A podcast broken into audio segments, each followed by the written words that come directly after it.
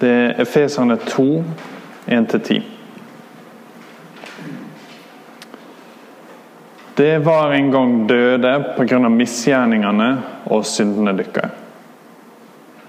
Det levde i deg slik en gjør i denne verden, og let dere leie av Han som styrer i himmelrommet, den ånda som nå verker i de ulydige. Ja, en gang levde vi alle som deg. Vi følgde lysten i vårt eget kjøtt og blod. Vi gjorde det vårt kjøtt og våre egne tanker ville. Og vi var av naturen vreidens barn, liksom alle de andre. Men Gud er rik på miskunn. Fordi Han elsker oss med så stor en kjærleik, gjorde Han oss levende sammen med Kristus. Vi som var døde pga. misgjerningene våre. Av nåde er det frelste. I Kristus Jesus har Han både reist oss opp fra døden med Han, og sett oss i himmelen med Han, så Han i de kommende tider kunne vise hvor overstrømmende rik Han er på nåde, og hvor god Han er mot oss i Kristus Jesus. For av nåde er det frelst ved tru. Det er ikke deres eget verk. Det er Guds gave. Og det hviler ikke på gjerninger, så ingen skal skryte av seg sjøl. For vi er Hans verk, skapte i Kristus Jesus til gode gjerninger, som Gud på førhånd har lagt ferdig, så vi skulle vandre i dem.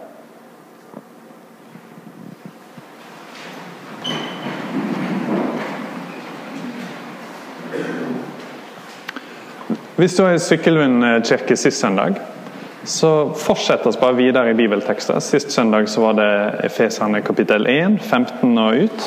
Så nå er det bare neste ti verser som er søndagens tekst i dag.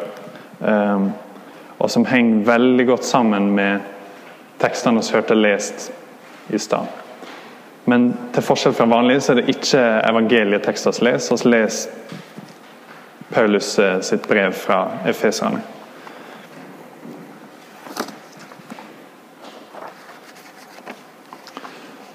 Og følg gjerne med på arket hvis du vil. Du gjør det du vil sjøl. Men eh, jeg syns det er nyttig å ha bibeltekster. For det er en utrolig rar start på den teksten. Eh, så rar at vi får den med oss, for vi har kanskje lest det før. Den begynner med 'Det var en gang døde'. Det er sånn Hvor mange har du møtt som har sagt det? 'En gang så var jeg død'. Eh, I fortid. Det fins selvsagt noen få som eh, har vært klinisk døde og blitt eh, levna opp. Kanskje Lasarus kunne sagt det hvis du traff han, eller Jesus. Eh, men Paulus sier altså det han skal snakke om nå, det gjelder for sånne som, sånn som oss, sånn som meg, som en gang var døde. Hvis jeg skal klare meg sjøl uten Gud, eh, hvis jeg skal leve et liv på eh, automatgir, om du vil, så er jeg død. Da har jeg ingenting å stille opp med. Så Paulus begynner disse første versene med å snakke om synd. Og skal ta og lese dem en gang til. Det var en gang døde pga. misgjerningene deres og syndene deres. Det levde i dem slik han gjør i denne verden. Og da, Når jeg er og snakker med folk på universitetet i Stavanger, kanskje der jeg har bodd, eller andre plasser, og de hører sånne ting, så sukker de litt og sier dere kristne skal alltid være så negative. Hvorfor kommer dere med det maset om synd hele tida? Hva er greia her? Og Da bruker jeg å ofte tenke, av og til si, at eh, egentlig så er dette veldig viktig. Det er veldig nyttig at vi tenker litt gjennom denne starten, og ikke bare hopper rett til nåden. For ja, mange grunner. Den første er kanskje hvordan ellers skal vi forklare alt som er gale? Dere ser på nyhetene, ikke sant? Hva i alle dager? Hvordan skal vi forstå bare en brøkdel av det som skjer, hvis mennesket er grunnleggende godt? Hvis det var sånn at når vi går på automatgir, så bare gi oss gode valg, og alt funker fint og sånn, da er det ganske vanskelig å forstå. Og klart det er mange faktorer som spiller.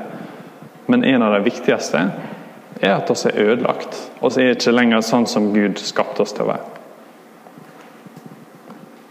Og Det går for seg an å tenke hm, litt negativt, litt dystert kanskje.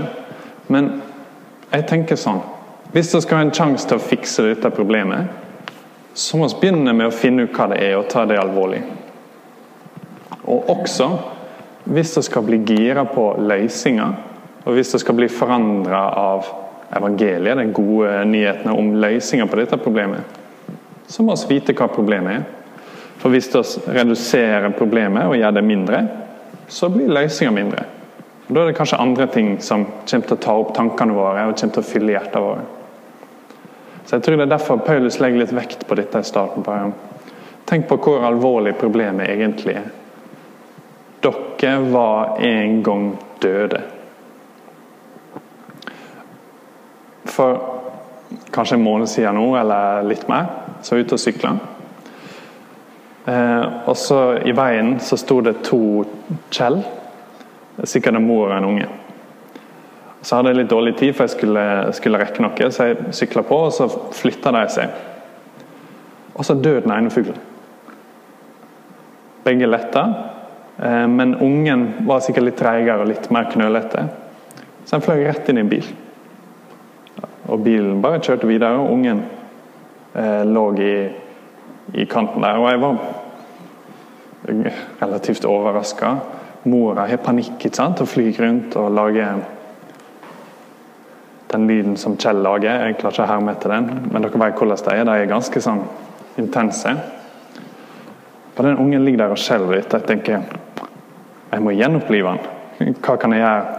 Jeg har ikke peiling på fugler. Um, så jeg ringte jeg ringte vakthavende dyrlege. Dette viser litt min kompetanse på, på, området. Men jeg ringte faktisk vakthavende dyrlege i Stavanger. Bare sånn Det er en påkjørt fugl her. Jeg tror kanskje han lever ennå. Hva kan jeg gjøre for å fikse han på en måte? Eh, for jeg har dårlig samvittighet. ikke? Jeg har skremt opp den stakkars fuglen. Og Kjell er yndlingsfuglen min. Jeg syns det er skikkelig flott. det.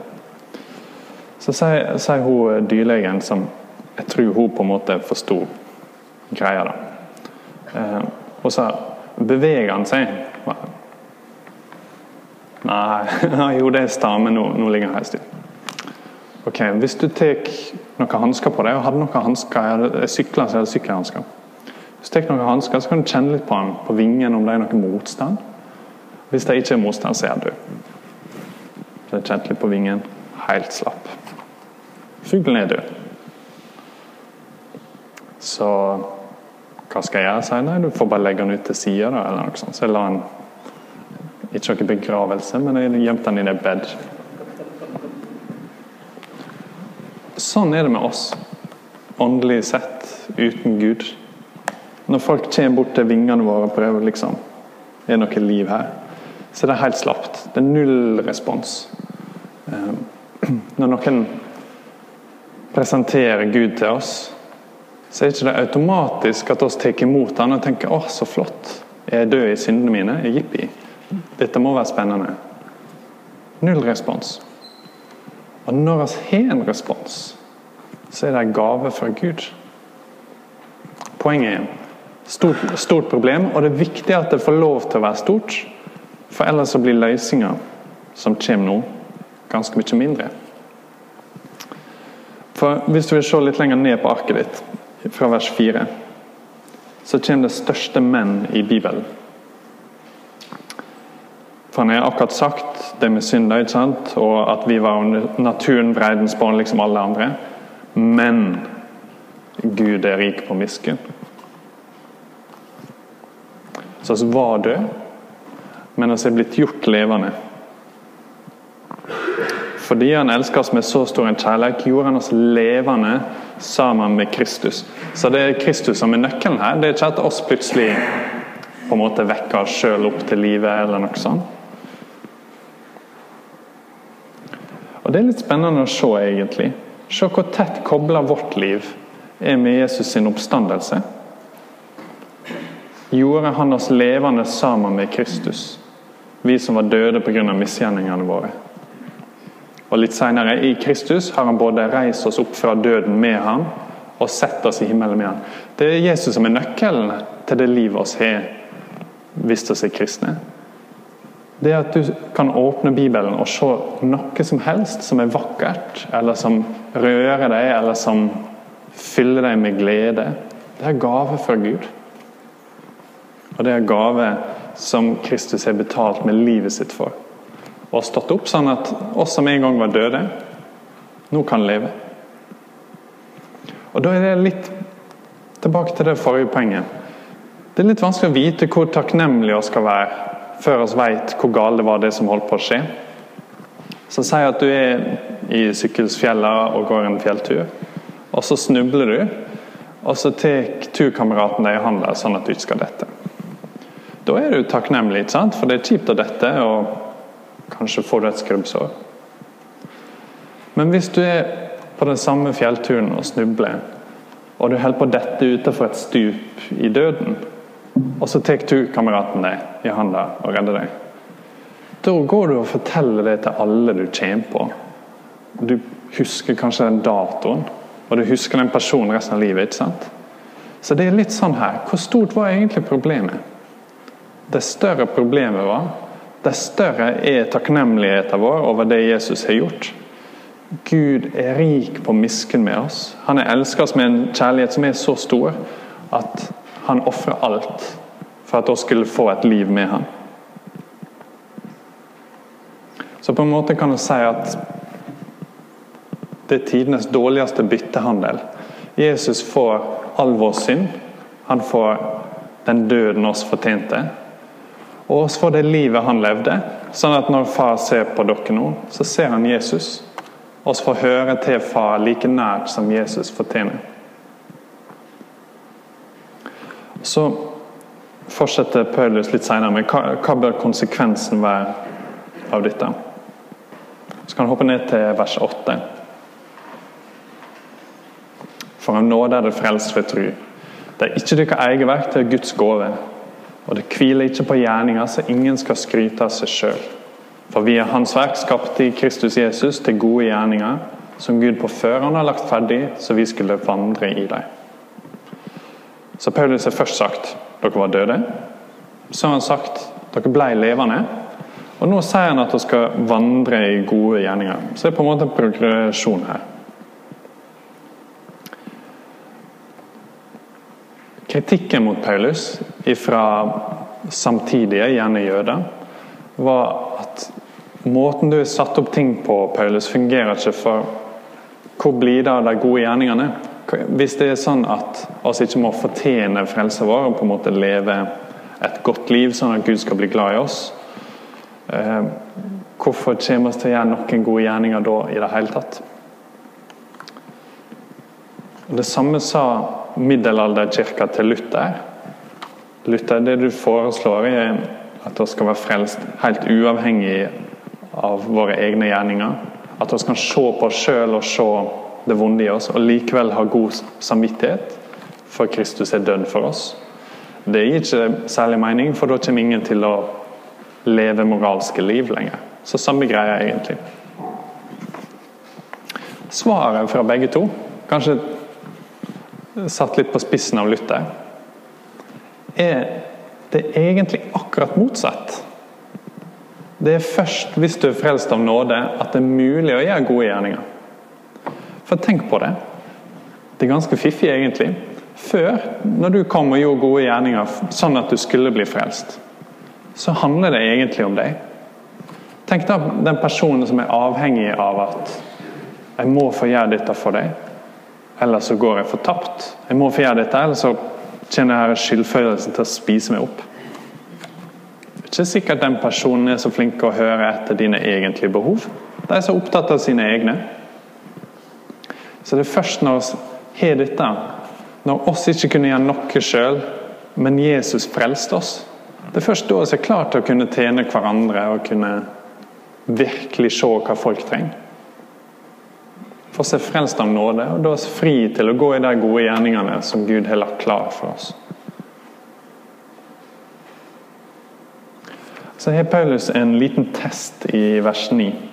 Han sier det hviler ikke på gjerninger, så ingen skal skryte av seg sjøl. Så god test. Se på de gode gjerningene dine.